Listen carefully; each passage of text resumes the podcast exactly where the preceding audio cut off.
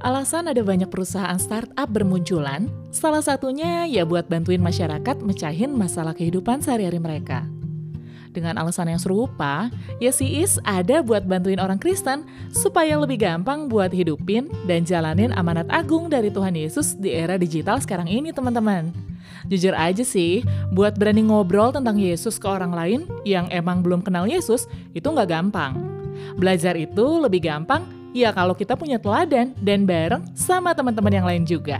So, jangan tunda teman-teman. Mumpung ada kesempatan. Tunggu apa lagi? Yuk, kita belajar bareng-bareng buat berani nginjil.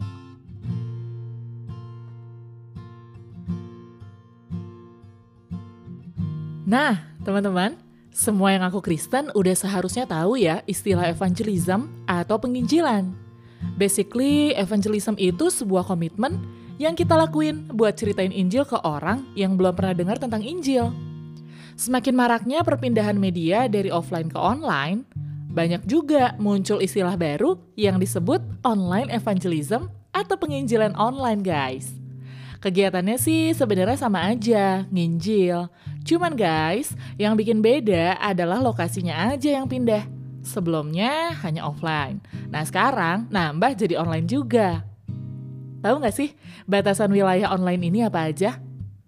Sejauh netizen ngumpul dalam wadah yang biasa disebut sosmed atau sosial media, ya di situlah tempat kita nginjil guys. Sebutin aja satu-satu. Semua nama sosmed yang kamu tahu.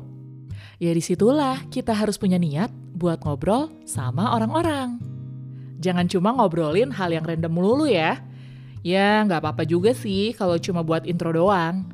Tapi mulai juga dong ngobrol tentang hal-hal yang agak seriusan dikit. Misalnya nih, tentang hidup setelah kematian, dosa, atau tentang Yesus.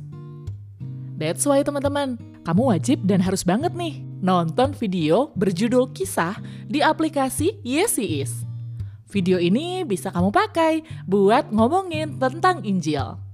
Segitu dulu ya episode kali ini. Kita ketemu di episode selanjutnya. God bless you.